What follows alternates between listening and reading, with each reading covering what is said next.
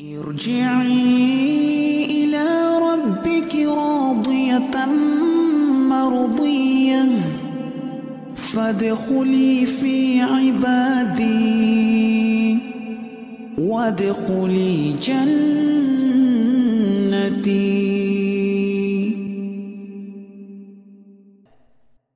Baik, kami persilahkan Ustadz untuk memulai kajian. Tafadhol Ustadz. Baik. Ana bisa pinjam screennya ya.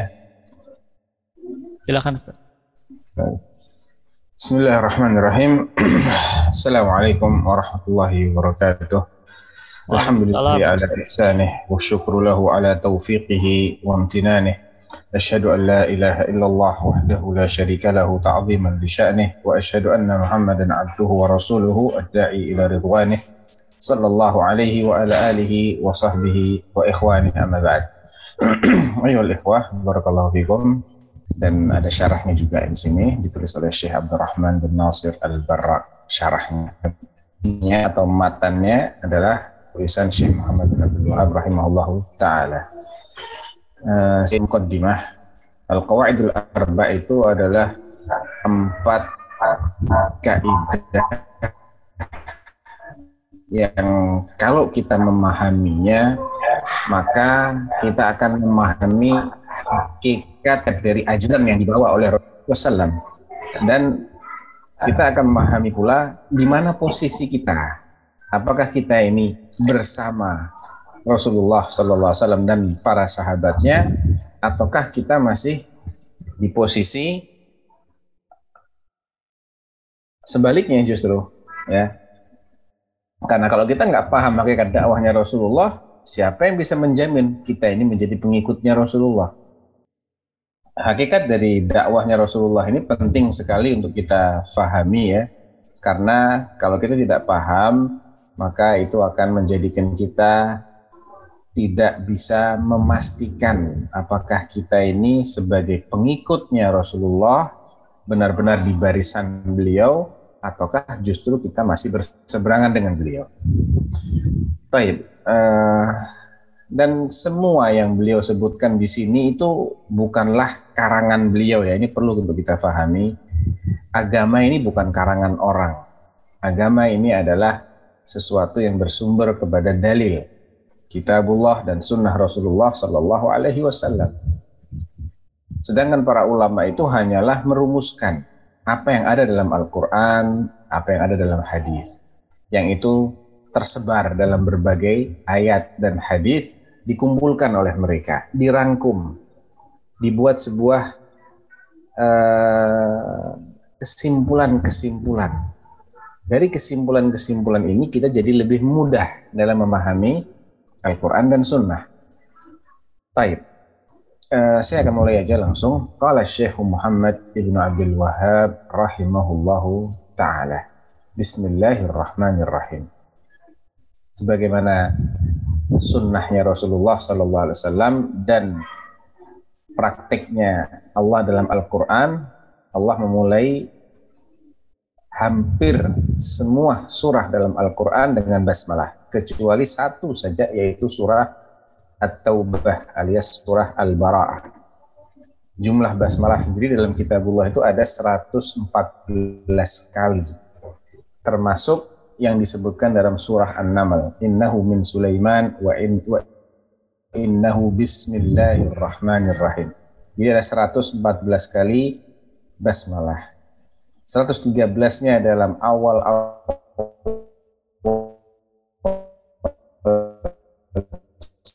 setiap surah selain surah jadi ini adalah sunnah ya. Sunnah dalam memulai surat menyurat memulai pidato memulai tausiah dan lain sebagainya disunahkan untuk bertabarruk dengan nama-nama Allah yaitu Allah sendiri kemudian Ar-Rahman dan Ar-Rahim. Oleh karena itu beliau Syekh Muhammad bin Abdul Wahab rahimahullah selalu dalam risalah-risalahnya maupun kitab-kitabnya mem mem memulai dengan basmalah. Kemudian setelah mengucapkan basmalah, beliau mengatakan As'alullah al-karim As'alullah al-karim Rabbal arshil azim an yatawallaka fid dunya wal akhirah. Ini memulai dengan doa yang, yang ditujukan kepada kita semua. Kita yang sedang membaca risalah ini. Risalah itu artinya surat karena dia singkat sekali hanya empat halaman. Poin-poinnya hanya empat halaman, cuman ketika disyarah menjadi 27 halaman ya. Dalam syarah yang ada di depan saya ini totalnya 27 halaman. Tapi kalau matannya sendiri itu cuma empat halaman kira-kira. Jadi lebih layak disebut sebagai risalah saking singkatnya. Beliau mengatakan semoga aku minta kepada Allah yang maha pemurah, penguasa arsh yang agung, an yatawallaka fid dunya wal akhirah agar Allah menjadi walimu, pelindungmu, penolongmu, pembimbingmu, pengurusmu di dunia maupun di akhirat. Wa an yaj'alaka mubarakan aynama kunta dan aku juga minta kepada Allah untuk menjadikanmu orang yang diberkahi di mana pun kamu berada. Ini doa yang kedua untuk kita. Mimman idza u'tiya syakara wa idza betuliya sabara wa idza adznaba astaghfara. Dan aku juga minta kepada Allah untuk menjadikanmu termasuk kepada orang yang bila mana diberi nikmat dia bersyukur Bila mana diberi ujian, dia sabar dan bila mana berdosa, dia istighfar. Fa inna thalath unwanus sa'adah. Karena ketiga hal ini, ketiga sikap ini bersyukur ketika dapat nikmat, sabar ketika dapat musibah dan istighfar ketika berdosa ini adalah uh, indikator orang itu akan bahagia indikator kebahagiaan ya adanya tiga sikap tadi. Ini kata-kata pembuka yang beliau sebutkan dalam risalah yang singkat ini. Jadi dalam ucapan beliau As'alullah al-karim rabbal arshil azim ini ada bentuk tawassul dengan asmaul husna. As'alullah al-karim al atau nama Allah Walillahil asmaul husna fad'uhu biha. Sungguhnya Allah itu yang memiliki nama-nama yang indah, maka mintalah kepada Allah dengan menggunakan nama-nama Allah yang indah tadi. Di sini beliau mengamalkan ayat ini dengan menyebutkan satu nama Al-Karim dan juga julukan Rabbal Arshil Azim. Ini juga nama juga. Pemilik arsy yang agung. Itu ada di Al-Qur'an ya, di surah uh, bahwasanya nama Allah itu Rabbul Arsh itu ada di surah At-Taubah 129. Ya Allah berfirman akhir At-Taubah itu. Fa in tawallaw faqus faqul hasbiyallah la ilaha illa huwa alaihi tawakkaltu wa huwa rabbul arsyil azim. Nah, di sinilah Allah menyebutkan salah satu nama Allah yaitu Rabbul Arshil Azim. Disebutkan juga kata nama Allah sebagai Rabbul Arsh ya. Itu juga disebutkan dalam beberapa ayat di surah Al-Anbiya ayat 22. Ada juga dengan kata-kata Rabbul Arshil Karim. Itu juga termasuk nama Allah. Adapun dengan kata Rabbul Arsyil Azim itu disebutkan di akhir surah At-Taubah dan juga di surah An-Naml ayat 26. Allahu la ilaha illa huwa Rabbul Arsyil Azim. Surah An-Naml ayat 26. Jadi beliau Syekh rahimahullah bertawasul kepada Allah Subhanahu wa taala ya ini kan minta asal aku minta Allah kepada Allah Al Karim ini satu nama Allah yang maha pemurah Rabbul Arshil Rabbul Arshil Azim.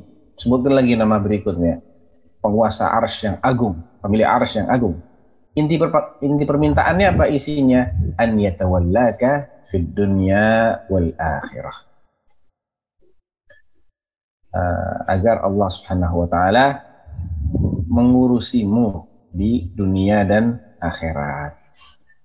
Allah menjadi walimu di dunia dan di akhirat. Nah, kalau Allah sudah benar-benar menjadi wali kita di dunia di akhirat, maka sudah tuntas sudah tidak ada lagi yang perlu kita takutkan, kita sedihkan, kita khawatirkan. Tidak ada. Allah Subhanahu wa taala mengatakan, "Ala inna awliya Allahi la khaufun alaihim wa lahum yahzanun." Ingatlah bahwasanya wali-walinya Allah, orang-orang yang diurusi oleh Allah, diperhatikan, dilindungi, oleh Allah itu la khaufun alaihim wa lahum yahzanun. Mereka tidak akan ketakutan lagi dan tidak akan sedih lagi. Di ayat yang lain di surat Fussilat, innal ladzina qalu rabbuna Allah thumma istaqamu tatanazzalu alaihimul malaika alla takhafu wa la tahzanu wa abshiru bil jannati allati kuntum tu'adun nahnu awliya'ukum fil hayatid dunya wa fil akhirah. Jadi ini yang beliau minta. Bagaimana supaya Allah menjadi wali-wali kita di dunia maupun di di akhirat. Ketika itu sudah terjadi, maka tidak ada lagi ketakutan, tidak ada lagi kecemasan dan kesedihan. Dan Allah itu sebaik-baik wali, sebaik-baik penolong, pembimbing, pelindung. Doa yang berikutnya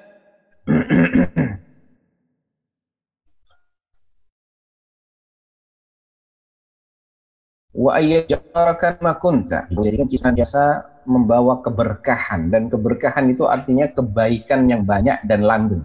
Kebaikan yang jumlahnya banyak dan juga dia itu terus menerus ini adalah doa yang juga masya Allah doanya Nabi Nabi Isa alaihissalatu wassalam itu ketika memanjatkan puji-pujian kepada Allah Beliau mengatakan begini, waja'alani mubarakan aina kuntu. Jadikanlah jadikanlah ya Allah aku ini orang yang diberkahi di mana pun aku berada. Artinya aku pindah ke tempat mana pun aku membawa banyak kebaikan ke sana. Atau orang-orang mendapatkan banyak kebaikan dengan keberadaanku di sana. Itu artinya orang yang mubarak, yang diberkahi. Dan tentunya di balik doa ini, kalau beliau mendoakan kita agar menjadi orang-orang yang mubarak, diberkahi. Di mana pun kita ada, otomatis ini mengandung doa agar kita senantiasa menjadi orang yang saleh. Karena seorang yang mukmin, saleh dan bertakwa, pasti dia banyak berkahnya. Di mana pun dia berada. Dia akan membawa keberkahan bagi keluarganya, keberkahan bagi teman-temannya, tidak akan terdengar darinya ucapan-ucapan kecuali ucapan yang benar, yang lurus. Tidak akan uh, dirasakan darinya kecuali hal-hal yang baik, akhlak yang mulia. Itu orang yang diberkahi. Ada sebagian orang yang keberadaannya itu membawa masalah bagi orang lain. Keberadaannya membawa kesedihan bagi orang-orang sekelilingnya. Sehingga mereka berharap andai saja si fulan tidak datang maka maka kita akan bahagia. Maka ini sebaliknya orang yang bukan yang membawa keberkahan namun dia membawa kesialan ya. Artinya membawa mazarat jadi beliau mendoakan kita agar menjadi orang-orang yang membawa keberkahan wa an yaj'alaka mimman idza u'tiya syakar wa idza sabar wa idza adnaba. Kemudian beliau menutup doa prolognya ini dengan doa ketiga dan aku juga meminta kepada Allah agar jikamu termasuk dalam golongan orang yang ketika diberi nikmat dia bersyukur dan ketika dia diberi ujian sabar serta ketika diberi ketika berdosa dia istighfar. Ya, kenapa kok tiga ini? Karena memang manusia tidak lepas dalam perputaran roda kehidupannya itu dia tidak akan bisa lepas dari tiga kondisi ini secara serentak. Pasti dia sedang mengalami salah satunya. Mungkin dia sedang diberi nikmat oleh Allah. Tentunya dia punya kewajiban saat ini atau ketika dia sedang diberi nikmat dia punya kewajiban yaitu wajib bersyukur baik itu nikmat harta, nikmat kesehatan, nikmat kesempatan, nikmat syukur untuk semua nikmat itu. Atau barangkali boleh jadi dia adalah orang yang sedang diberi ujian oleh Allah, diberi musibah. Habis kehilangan orang yang dia cintai, atau kehilangan pekerjaan, dipecat, atau kehilangan salah satu anggota badannya, dan lain sebagainya, maka dia punya kewajiban juga, yaitu bersabar atau dia baru saja berbuat dosa. Maka dia juga punya kewajiban yaitu istighfar. Kalau dia senantiasa dapat memposisikan dirinya, ketika dapat nikmat dia bersyukur. Ketika berbuat dosa dia istighfar. Ketika dia sabar, ya sudah ini orang yang sukses. Inilah orang yang bahagia sejati. Baik. Fa inna haula'i thalath unwanus sa'adah. Karena ketiga sikap inilah yang menjadi alamat kebahagiaan kita. Jaminan kebahagiaan kita. Barulah kemudian setelah itu beliau mengatakan i'lam arsyadakallahu li ta'ati. Ketahuilah semoga Allah membimbingmu pada ketaatan terhadapnya. Doa lagi nih beliau ya. I'lam eh, didahului dengan ajakan supaya kita ini mengilmui. I'lam, ketahuilah, ilmuilah. Kemudian doa. Arsyadakallahu li ta'ati. Semoga Allah membimbingmu pada ke, hingga kamu menjadi orang yang taat kepadanya. Apa yang kita harus ketahui?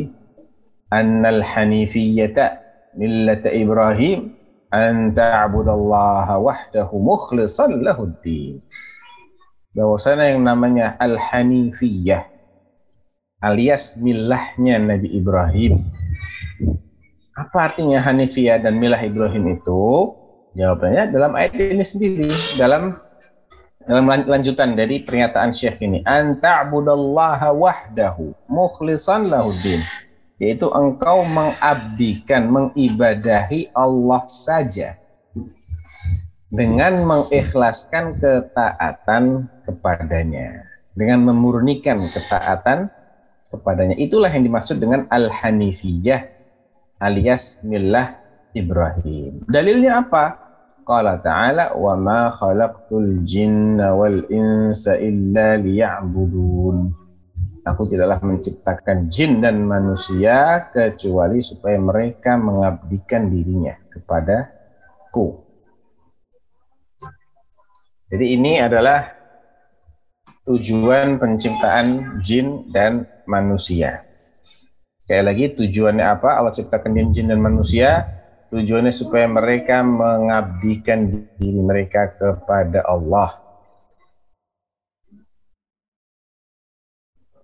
Fa'idha arafta anna Allah khalaqaka li'ibadati.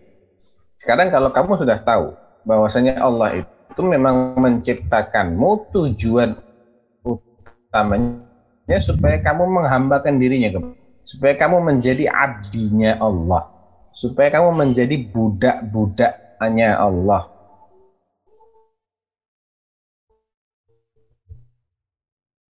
Hamba sahaya Allah. Ini tujuan penciptaan kita.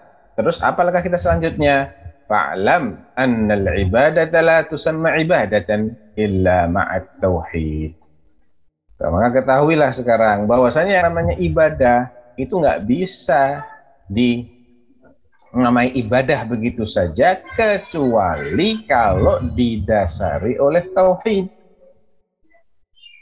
Kama anna salata la tusamma salatan illa ma'at taharah. Sebagaimana ibadah salat itu nggak bisa sah dinamakan salat. Misalnya tadi saya sudah salat maghrib. Dia nggak bisa dianggap sah salat maghrib kecuali kalau sholatnya itu didahului dengan toharoh. Dia berwudhu terlebih dahulu. Atau kalau dia berhalangan dalam menggunakan air, maka dia boleh bertayamum. Tapi ini juga masuk kategori toharo. Dia nggak bisa tanpa wudhu, tanpa tayamum langsung sholat. Padahal dia mampu melakukan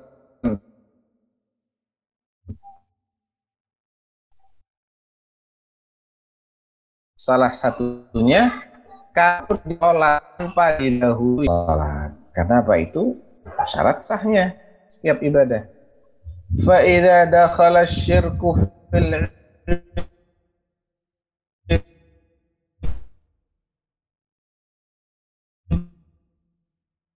ibadati akidah. Saya sudah belajar kita tauhid, saya sudah belajar ini itu ini itu.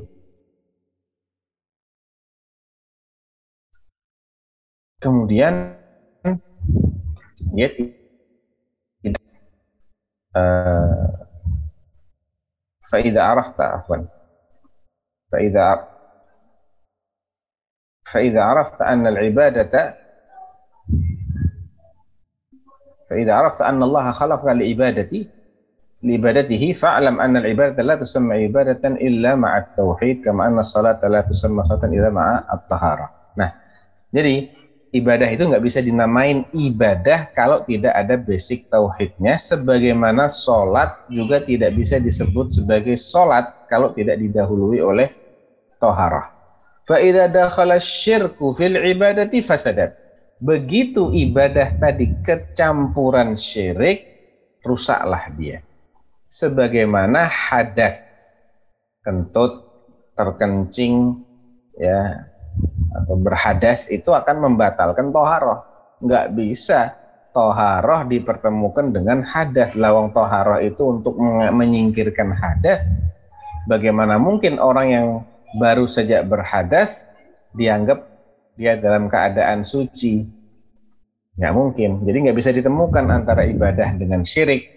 Sebagaimana tidak bisa ditemukan antara uh, itu tadi ya antara toharah dengan hadas. Karena ini berlawanan.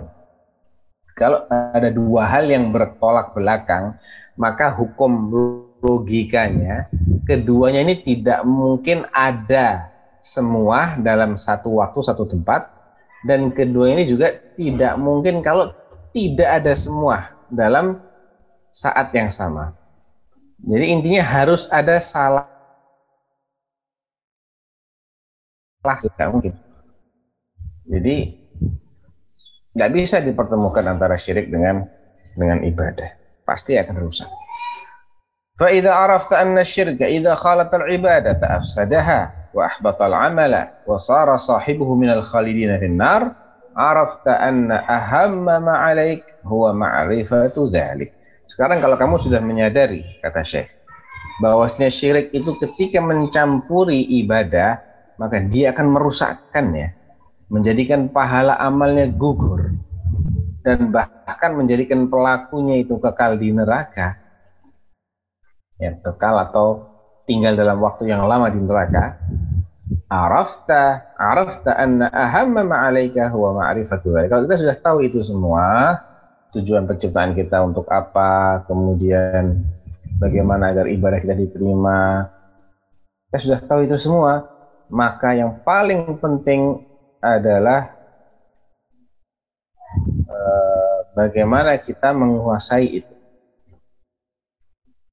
anna ahamma ma'alaika ma'rifatu dzalik. Bagaimana kita mengenal syirik itu seperti apa, tauhid itu seperti apa. Ini yang paling penting karena inilah yang akan menjadikan kita ini bernilai sebagai manusia di hadapan Allah.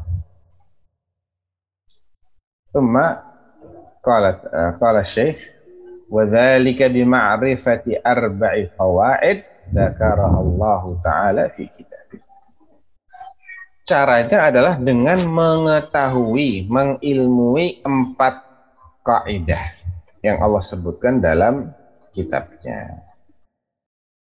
Baik. Ini uh, mukaddimah dari apa namanya? Uh, Qawaid al-Arba. Mungkin bisa dibuka sesi tanya jawab dulu, Dok. Barangkali ada yang ingin didiskusikan sebelum saya lanjut. Hmm. Apa ada pertanyaan dari kolom chat? Saya lihat dulu dok ya. Pak, ini Ya. tidak, tidak ada pertanyaan sepertinya Ustaz. Belum ada ya? Belum ada. Ada yang resen tuh. ada yang resen. Oke. Silahkan Nggih. Ibu Ririn. Assalamualaikum warahmatullahi wabarakatuh. Waalaikumsalam. Ustadz, jadi seperti tadi bahwa yang terpenting itu adalah kita mengenal tauhid dan syirik. Ya. Nah, syirik ini eh, karena menggugurkan semua amalan kita. Nah, yang menjadi masalah adalah kalau syirik yang jelas itu eh, kita ya insya Allah semua sudah tahu Ustadz. Tapi syirik yang halus, katakanlah apa? Oh kalau membaca Al-Fatihah seribu kali pasti begini, begini, begini. Nah, yang seperti seperti ini kan tidak semua orang tahu ini Ustadz. Ya. Apakah ini nanti masuk di dalam kajian Ustadz malam ini? Nggih. Matur nuwun. Terima kasih. sama-sama. Jadi pertama yang ibu tanyakan tadi itu itu bukan syirik bu.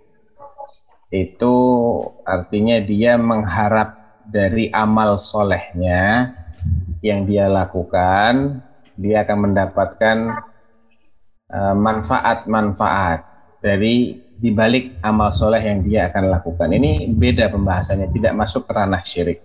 Itu nanti ada dalam kitab tauhid. Ini ini yang kita pelajari sekarang ini adalah sebuah eh, pendahuluan saja, mukaddimah. Untuk menyelam lebih dalam kita harus belajar dulu kan berenang di air yang dangkal. Kalau kita langsung nyelam di air yang dalam bahaya bu, nggak bisa keluar lagi nanti kita tenggelam bisa-bisa.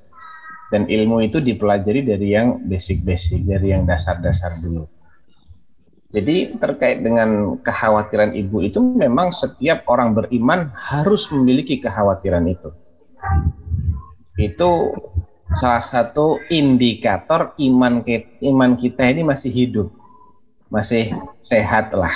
Ya walaupun mungkin batuk-batuk sedikit, tapi masih overall dia masih sehat lah, masih eh, masih hidup gitu loh. Adanya kekhawatiran terhadap dosa itu sesuatu yang baik, indikator iman kita masih sehat. Bagaimana supaya kita nggak terjerumus dalam dosa syirik? Ya kita harus kenali bentuk-bentuk syirik. Karena ini adalah cabang dari dari menjauhi syirik. Kita kalau disuruh menjauhi sesuatu, kita harus tahu dulu ini kayak apa sih yang kita harus jauhi ini. Coba spesifikasinya bagaimana, deskripsinya seperti apa.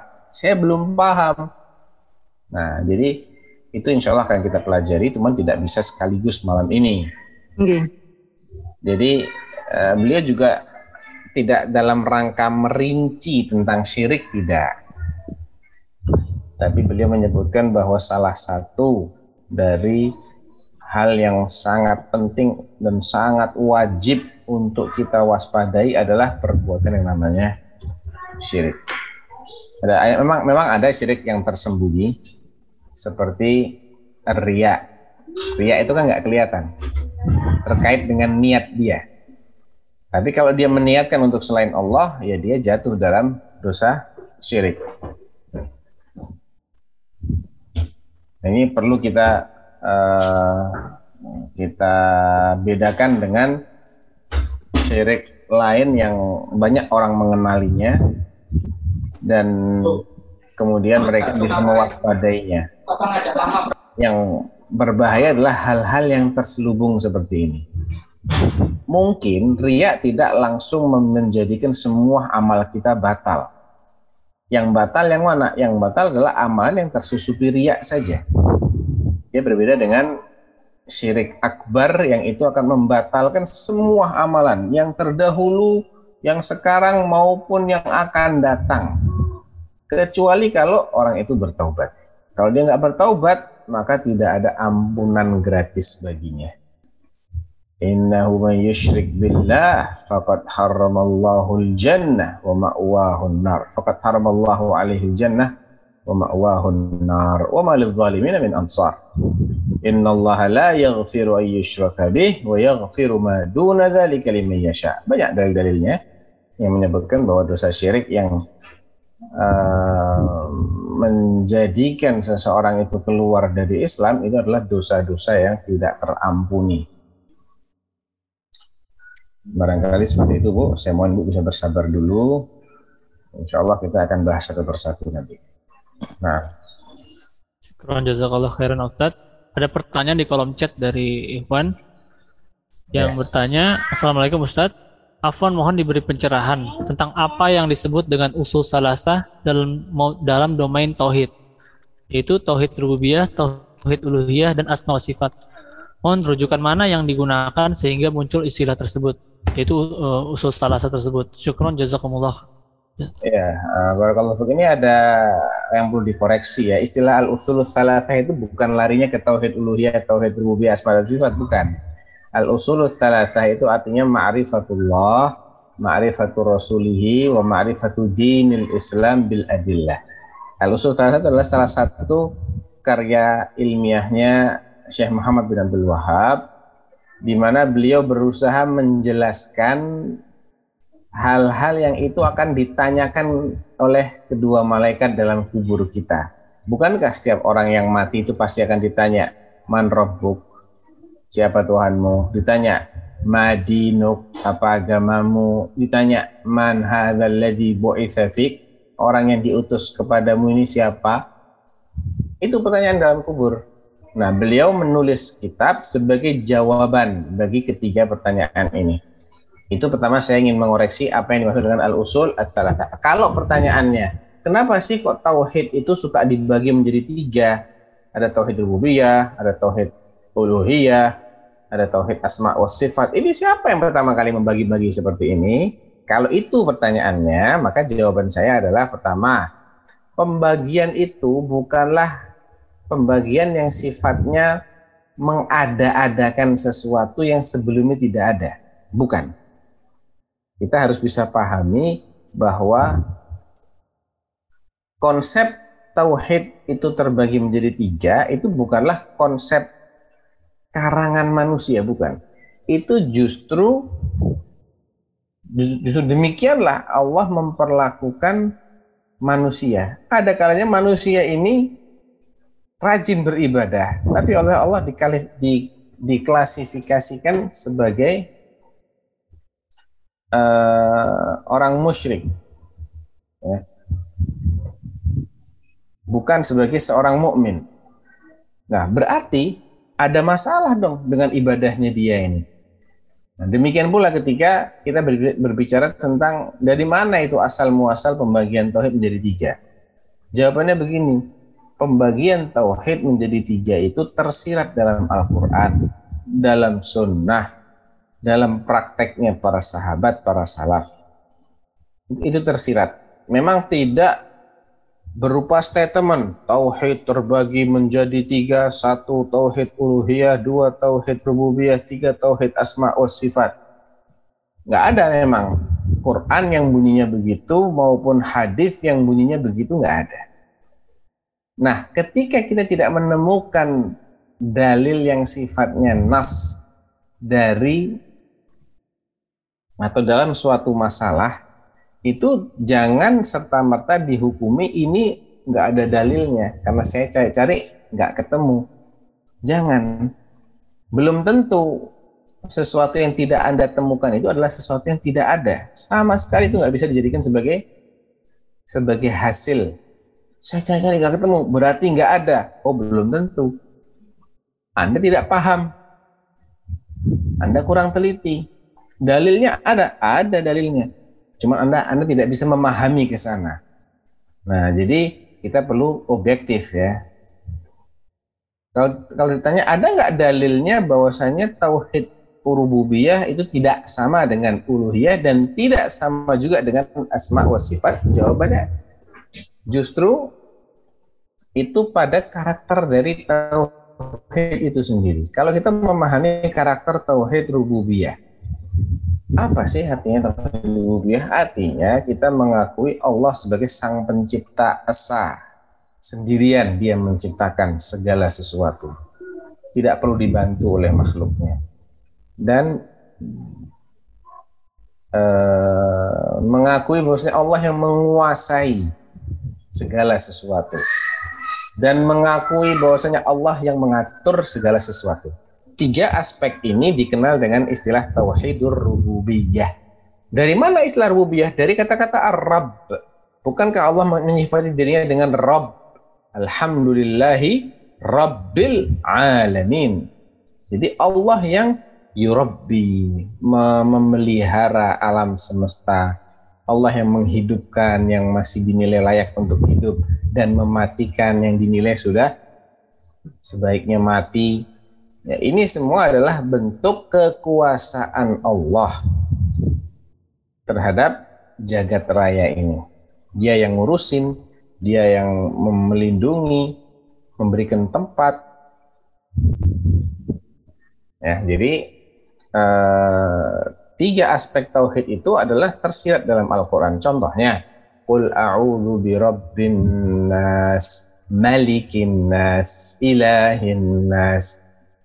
Ada Rabbun nas, ada malikin nas, ada ilahin nas.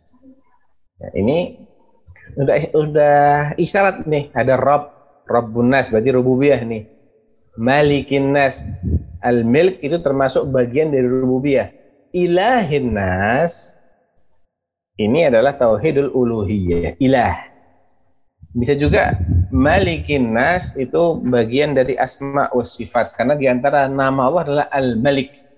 Al-malikil qudusis salamil mu'min. Al-malik itu adalah nama Allah raja. Kalau dikatakan malikin nas, beda lagi nanti. Malikin nas artinya dia rajanya manusia, yang menguasai manusia.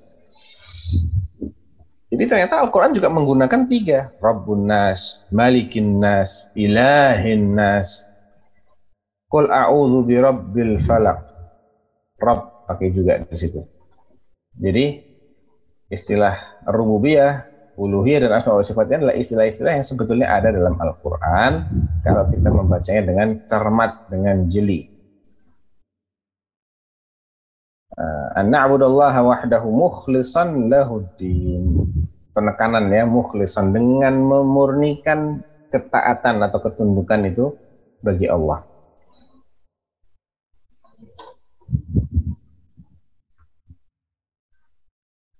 Ini berdasarkan dalil kul nam.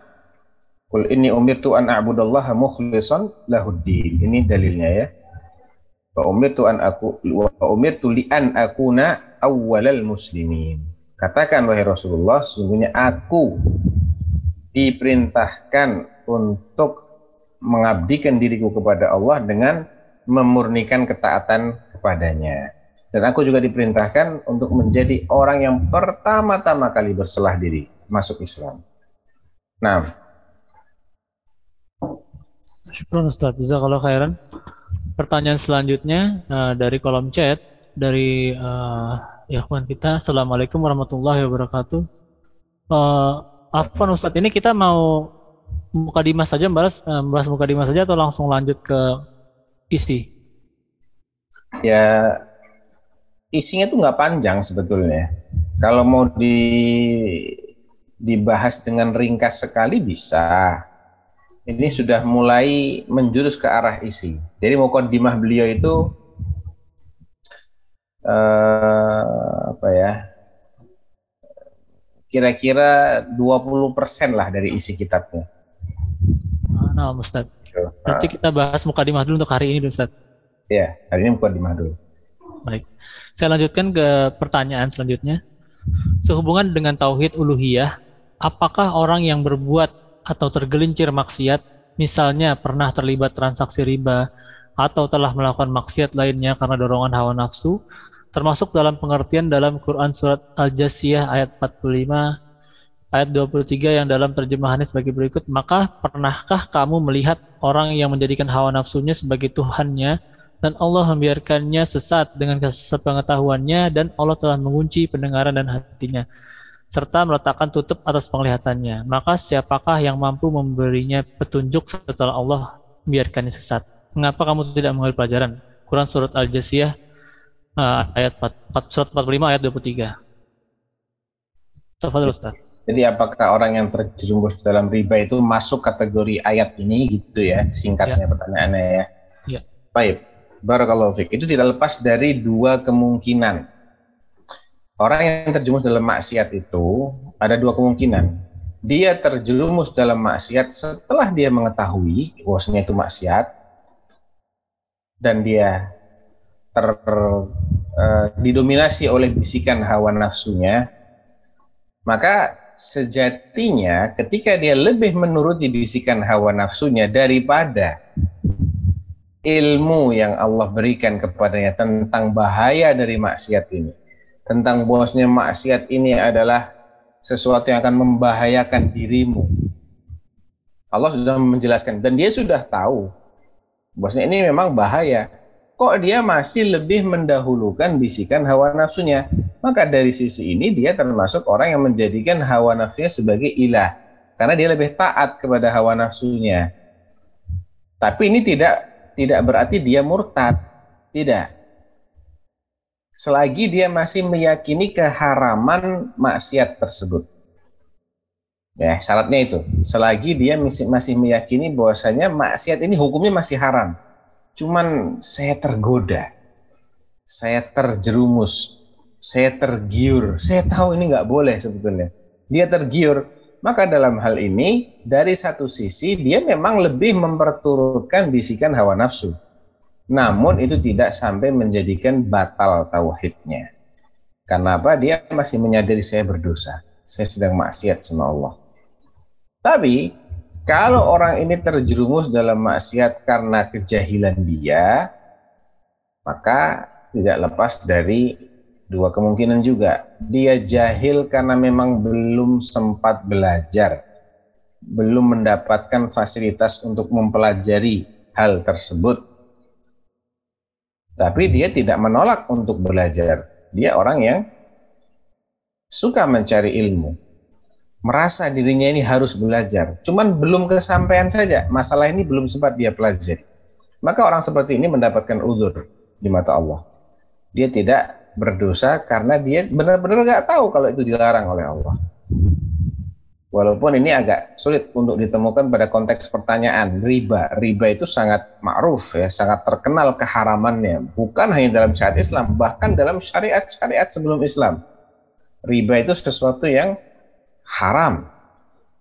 Karena itu mengandung kezoliman dan tidak ada agama samawi yang menghalalkan kezoliman.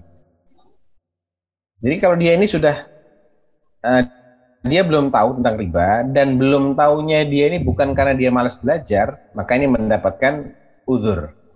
Tapi kalau dia belum tahu karena dia malas belajar, karena dia tidak menaruh atensi sedikit pun terhadap perkara-perkara yang krusial ini.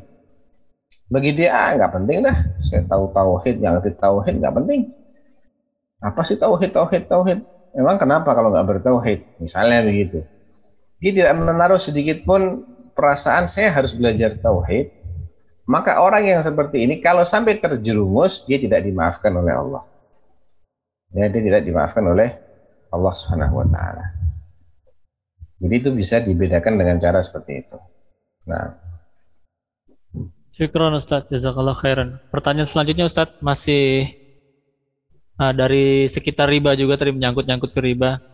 Bagaimana hukumnya uh, kita sholat di dalam masjid yang dibangun dengan dana riba? Tafadol Ustaz.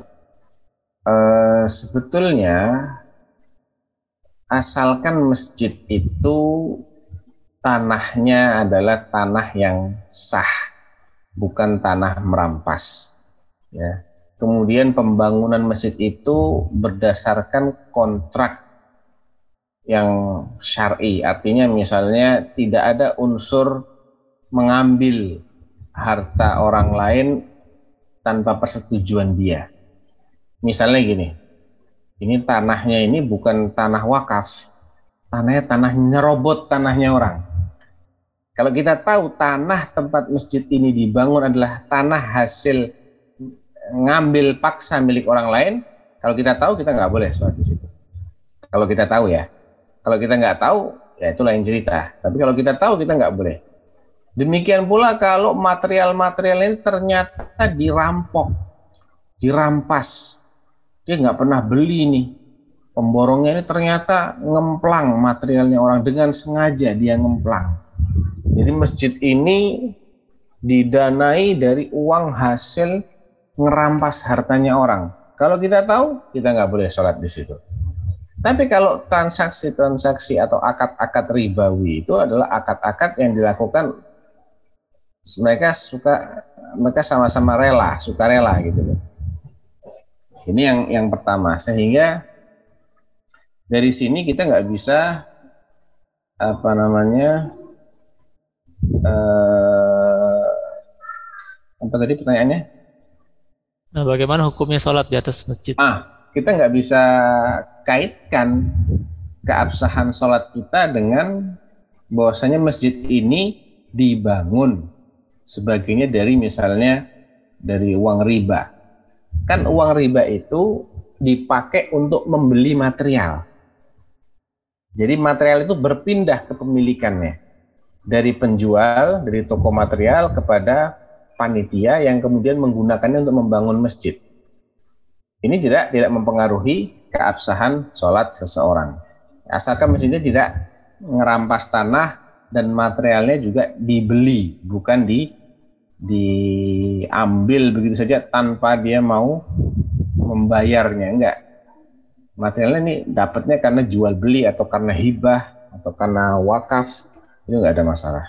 Nah, Syukur Ustaz. Kita kembali ke koridor uh, topik hari ini ya. Jadi kita nggak berlanjut berlarut-larut ke masalah riba.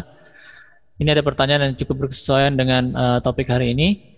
Bismillah, izin menyampaikan kesan dan bertanya, bagaimana mulianya Syekh Muhammad rahimahullah, bismillah, mendoakan setiap pembaca kitab beliau dengan doa agar menjadi orang yang berbarakah di mana pun kita berada. Menurut saya mukadimah ini sangat berkesan. Pertanyaannya Ustadz, bagaimana kok selalu banyak hujatan untuk beliau rahimahullah atau yang mencoba mengikuti beliau dengan ungkapan-ungkapan yang tidak pantas dan selalu meledek dengan Ah, kata-kata tertentu dan bagaimana kita menyikapinya Ustaz? Syukron, jazakallah khairan. Jawaban saya, siapa yang lebih mulia, beliau atau Nabi? Rasulullah. Tapi Rasulullah dihujat nggak? Iya Ustaz. Ya sudah. Nggak ada yang aneh. Kalau hawa nafsu yang berbicara, mau sejuta dalil pun akan mental kok. Maka itulah bahayanya menuruti hawa nafsu itu bahaya sekali.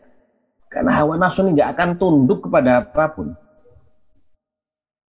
Sudah tahu mereka Rasulullah ini bukan penyihir. Mereka tahu penyihir itu omongannya ngaco, bacanya baca mantra, nggak jelas. Sudah tahu mereka ini bahwasanya Muhammad ini bukan penyair.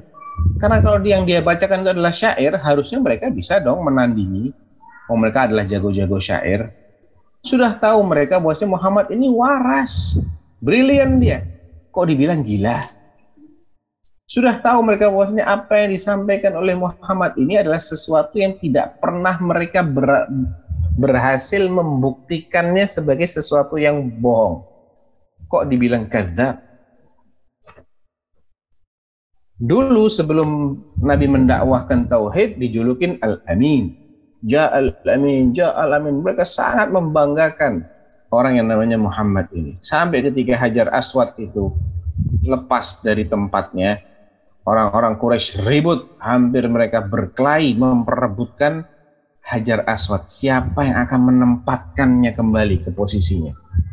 Sampai datanglah Rasulullah Muhammad SAW. Sebelum jadi Nabi ini ya, mereka melihat Ja'al Amin, Ja'al Amin. Wah ini orang yang amanah datang, orang yang amanah datang. Apa usulan beliau? Udah leh, daripada kalian ini berantem, udah ambilkan selembar kain. Ya, saya akan letakkan batu itu di tengah kain dan masing-masing perwakilan kabilah Quraisy memegang pinggiran kain itu. Ada 10 cabang suku Quraisy berarti 10 perwakilan. Jadi kalian semuanya ikut mindahkan nih ceritanya. Mereka tahu ini orang berakal bukan orang gila. Ini orang yang jujur eh kok ketika yang disampaikan nggak sesuai dengan keinginan mereka muncul hujatan jadi itu memang biasa Fir'aun juga begitu.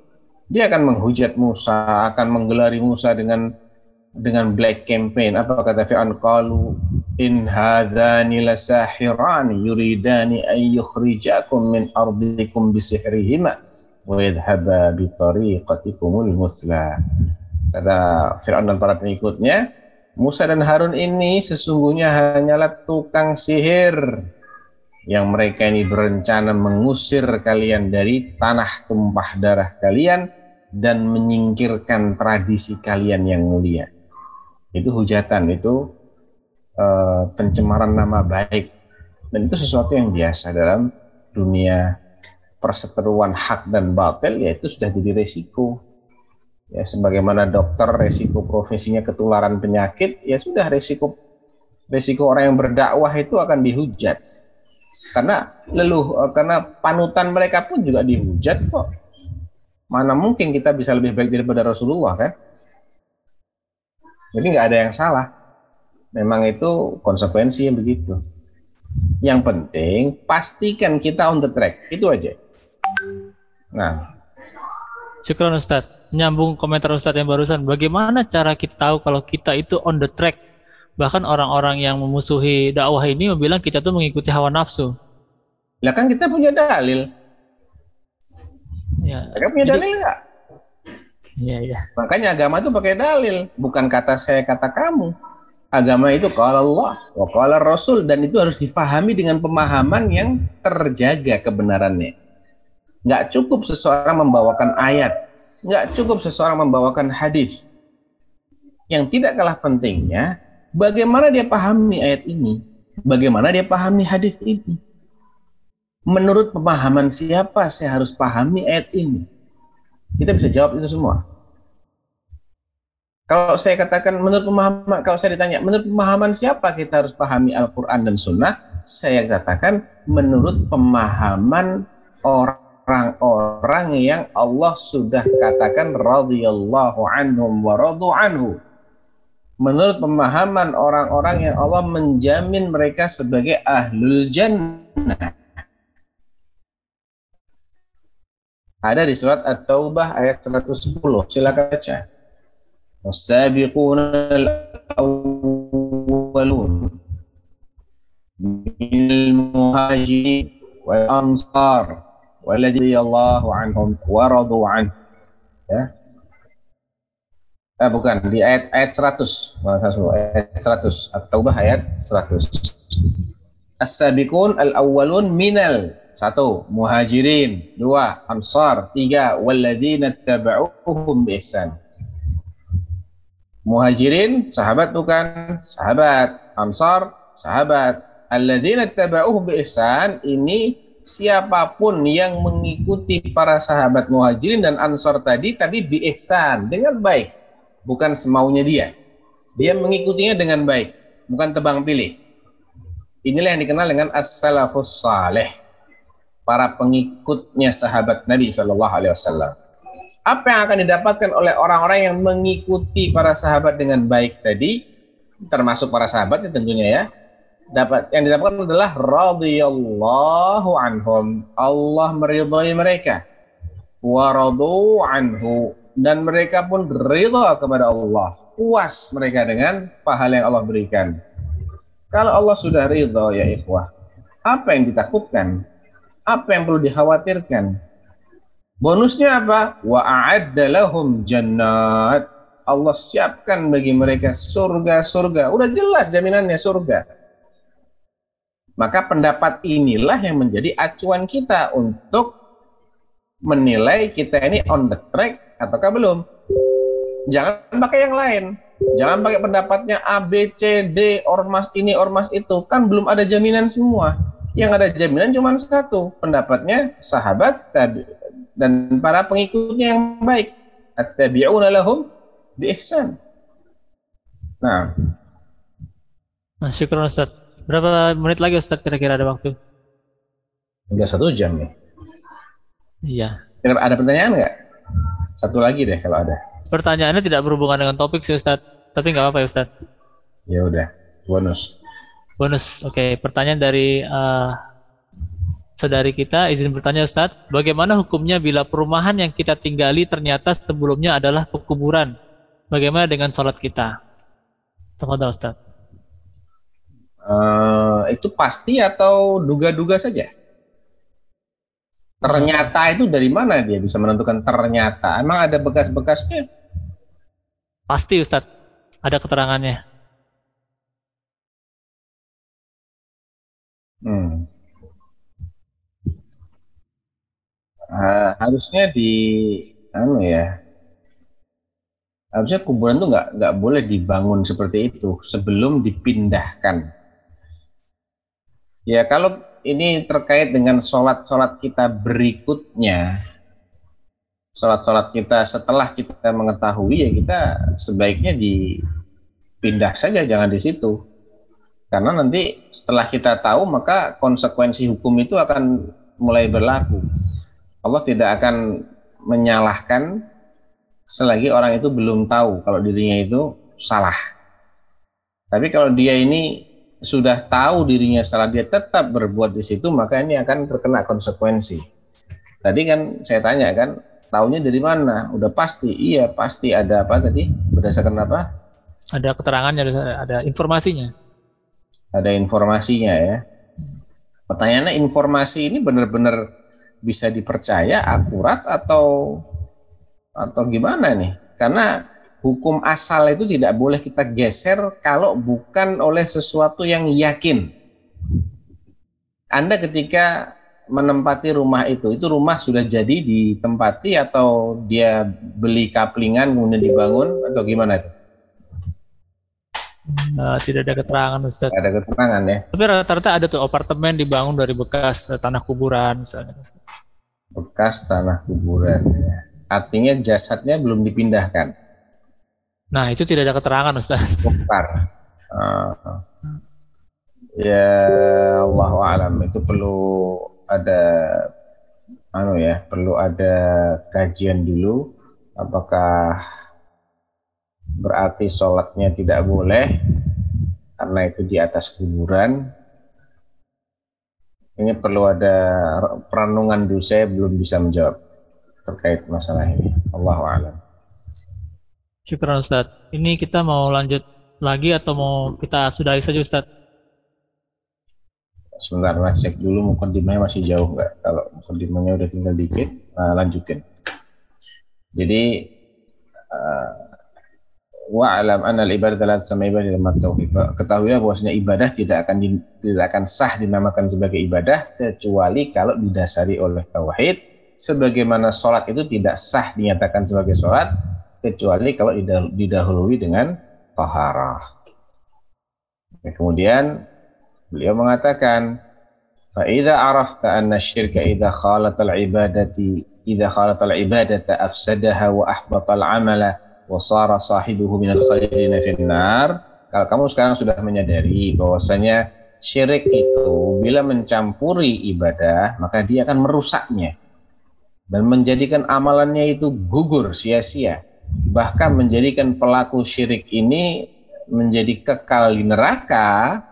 Arafta anna ahamma alaihi huwa ma'rifatu dari maka engkau harusnya sadar pula bahwa yang paling penting untuk kau fahami, kau kuasai adalah apa ini syirik ini seperti apa, tauhid itu kayak apa. Ya, la'allallah ayyukhallisaka min hadhihi syabakah. Tujuan yang kau mempelajari bentuk-bentuk kemusyrikan adalah supaya mudah-mudahan Allah bisa membebaskanmu dari jeratnya syirik. Ya, jerat bahayanya syirik ini. Sedangkan Allah sudah menceritakan tentang syirik, innallaha la yaghfir ayyushraka bih wa yaghfiru ma duna dzalika liman yasha. Sesungguhnya Allah tidak akan mengampuni perbuatan syirik terhadapnya. Dan perbuatan syirik ini berarti mencakup syirik akbar maupun syirik asgar. Naam, dua-duanya tidak ada ampunan gratis bagi Allah. Cuma bedanya syirik akbar itu memurtadkan, syirik asghar tidak memurtadkan. Adapun dosanya tidak akan diampuni oleh Allah secara cuma-cuma. Harus taubat kalau ingin diampuni. Ya, Jadi Allah, Allah tidak akan mengampuni begitu saja kalau orang yang bersangkutan tidak taubat. Ini terkait dosa syirik. Mau asghar mau akbar sama. Nggak akan ada ampunan gratis. Eh, dan syirik akbar ini ada tiga, tiga kekhasan. Yang pertama, nggak ada ampunan baginya. Yang kedua, dia meng, menyeret pelakunya ke, ke neraka, kekal. Dan yang ketiga, dia membatalkan seluruh amalan. Ngeri sekali kan ya. Pertama tidak ada ampunan cuma-cuma baginya, seluruh amal yang menjadi batal dan sia-sia kalau dia nggak tobat. Dan yang ketiga dia pasti kekal dalam neraka. Ini dosa syirik yang sangat mengerikan. Kemudian beliau mengatakan wadzalika bi ma'rifati arba'i qawaid dzakaraha Allah taala fi kitabih. Cara kita bisa mendeteksi tauhid dan syirik sehingga kita bisa menjauhi syirik itu dengan mengerti memahami empat kaidah yang Allah sebutkan dalam kitabnya. Jadi ini semua diambil dari Al-Qur'an. Beliau hanya menyimpulkan saja dari berbagai ayat ini bisa disimpulkan kaidah pertama begini. Dari berbagai ayat dan hadis disimpulkan kaidah kedua begini. Jadi ini inilah mukaddimah dari Syekh Muhammad bin Abdul Wahab uh, terkait dengan risalah Al-Qawaid Al-Arba. Insyaallah pada pertemuan berikutnya kita langsung masuk ke Al-Qaidah Al-Ula. Nah, barakallahu fikum. Ustaz, uh, silakan memberikan ihtitam untuk kajian kali ini dan setelah itu uh, saya akan menutupnya. Baik, ya, jadi begitu ya ayyuhal ikhwah. Seseorang ini mesti faham tujuan dia diciptakan oleh Allah untuk apa, yaitu untuk ibadah. Dan dia juga harus faham bahwasanya ibadah yang Allah perintahkan bukan asal-asalan, tapi ibadah yang dibangun atas dasar tauhid. Sehingga dia juga wajib mempelajari tauhid karena tanpa dia mempelajari tauhid ibadahnya tidak akan ada artinya. Kalau ibadahnya tidak akan ada artinya, sia-sialah dia jadi manusia, tempat dia di neraka. Karena dia makhluk yang sia-sia. Mending jadi binatang daripada jadi manusia nggak bertauhid. Ya, karena itu Allah menghina orang-orang yang tidak bertauhid itu dengan hinaan-hinaan binatang, dasar kambing, dasar sapi. Mendingan jadi sapi daripada orang tidak bertauhid. Ulaika kal an'am balhum adal lebih parah daripada binatang. Nah, untuk bisa mempelajari tauhid, dia juga harus harus paham lawannya tauhid, syirik. Dia tidak akan bisa sempurna mempelajari tauhid tanpa mengenal bentuk-bentuk syirik. Jadi memang ilmu itu saling berkaitan, makanya kita mesti uh, pandai dalam merangkai. Ini berkaitan dengan itu ya. Jangan lupakan yang ini nanti itu ya itu ikut-ikutan lupa. Jadi kalau belajar itu kita harus sistematik dan harus tahu saya harus mulai dari sini. Saya harus kenal dulu apa itu ibadah, apa itu syirik, bahayanya syirik apa. Nah, ini, semua disinggung secara ringkas dalam mukaddimah kitab ini dan saya harap dibaca lagi, diulang lagi biar nyantol di kepala kita sehingga pekan depan kita atau dua minggu lagi kita ketemu kita bisa lebih mendalam tanpa perlu mengulang kembali. Naam, wallahu taala alam. Sallallahu alaihi wa wasallam. السلام عليكم ورحمة الله وبركاته. ارجعي إلى ربك راضية مرضية. فادخلي في عبادي. وادخلي جنتي.